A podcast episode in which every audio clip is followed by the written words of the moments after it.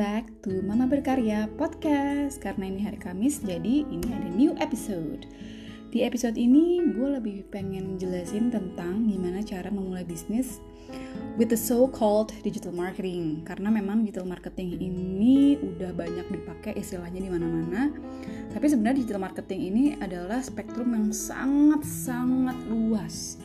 Jadi once kita bilang oke okay, udah jalanin digital marketing, kita harus uh, tanya juga ke diri sendiri atau research lebih dalam kayak which part of digital marketing apakah content marketing, apakah social media marketing, apakah affiliate marketing, influencer marketing, apakah performance marketing yang menggunakan ads, Google atau Facebook dan masih banyak lagi.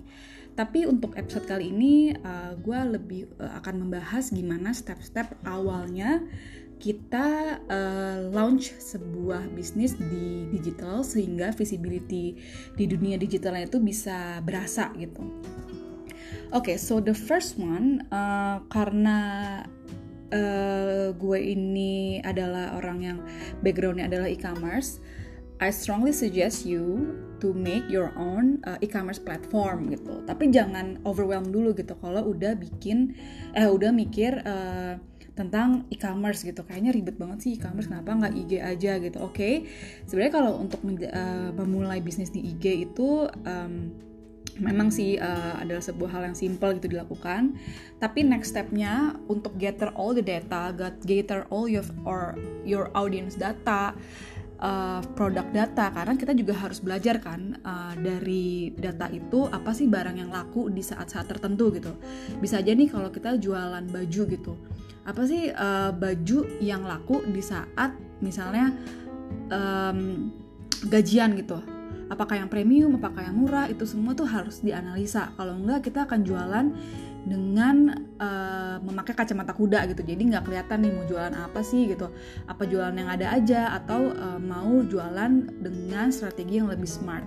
That's why untuk menjalankan strategi yang smart ini gue saranin untuk uh, membuat suatu platform e-commerce gitu. Bisa dimulai dari um, tools yang namanya itu Wix bisa di search di Google Wix atau Shopify jadi Wix atau Shopify ini sebenarnya sudah mempunyai uh, kayak template sih, template uh, online shop di web gitu. Jadi kita tuh nggak ribet-ribet kayak harus coding gitu, nggak harus juga hire uh, misalnya developer gitu di awal untuk coding bayar mereka mahal-mahal nggak perlu. Jadi pertama tuh sebenarnya cuma tinggal cari platform yang bisa ada template e-commerce-nya terus tinggal kita modify sendiri aja. Dan modify-nya ini pun nggak harus mempunyai skill yang kayak gimana-gimana gitu. Tinggal kayak pindahin gambarnya upload gambar upload gambar produk, tambahin produk description itu semua tinggal dilakukan aja karena template-nya udah ada dari sananya. Bayangin kan betapa gampangnya membuat sebuah toko online gitu. Uh, jadi bisa di search uh, Wix atau Shopify. Di situ juga kita bisa ngeliat semua database orang yang udah beli barang kita gitu. Dari email, umur, um, lokasi, sampai bisa ke uh, ya uh, beberapa platform bisa sampai ngetrack dia tuh menggunakan um, operating system apa sih? Apakah ini Android user, iPhone user? Pokoknya banyak banget data yang bisa kita mainin gitu. Kalau kita mempunyai platform uh, web kita sendiri gitu.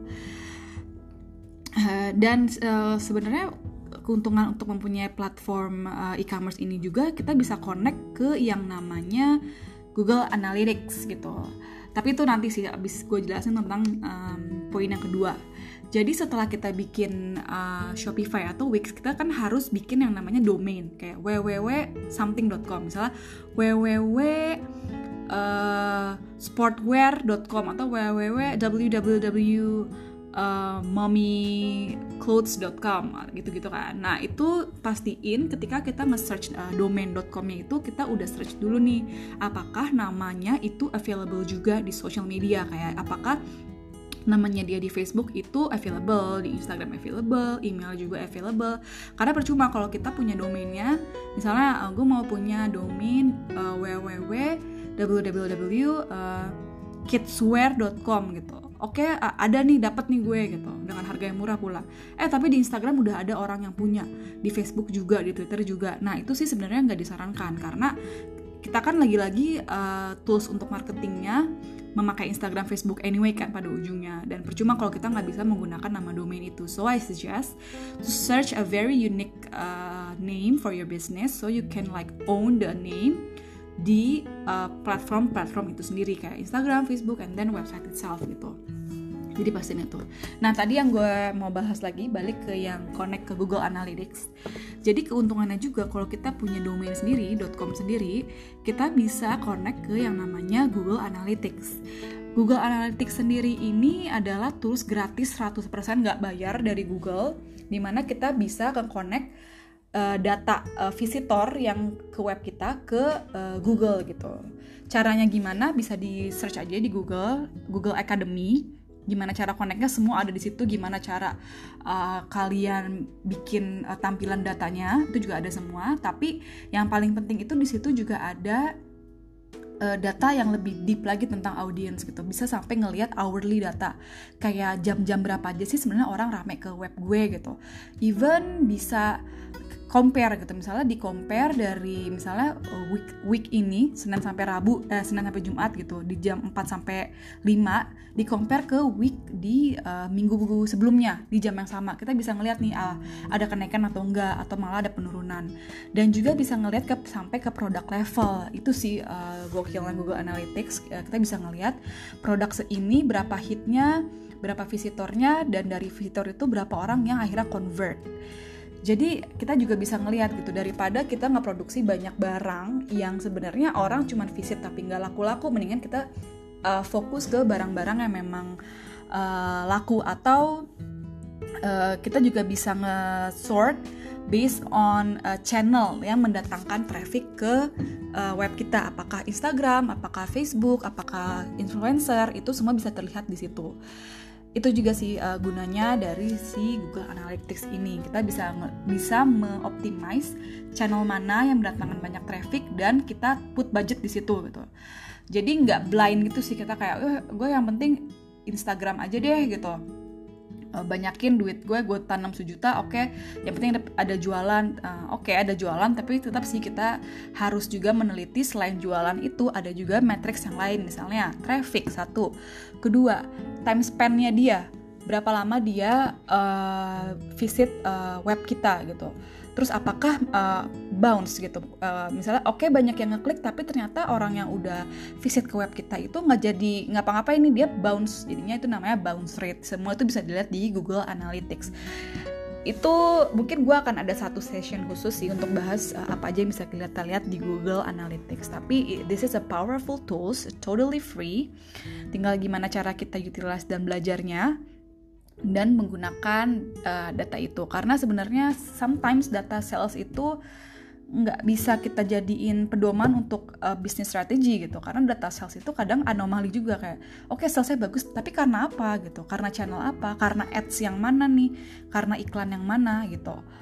Itu semua bisa dilihat sih dengan mengcombine data dari si Facebook Ads itu sendiri dan ke Google Analytics kita. Kita bisa ngeliat sih uh, misalnya match datanya apakah match apakah ada perbedaan segala macam kita bisa lihat um, di situ gitu. Sampai juga ke tahun lalu atau nanti uh, kalau kita udah lama bisnisnya kita juga bisa lihat growth kita sebenarnya berapa sih?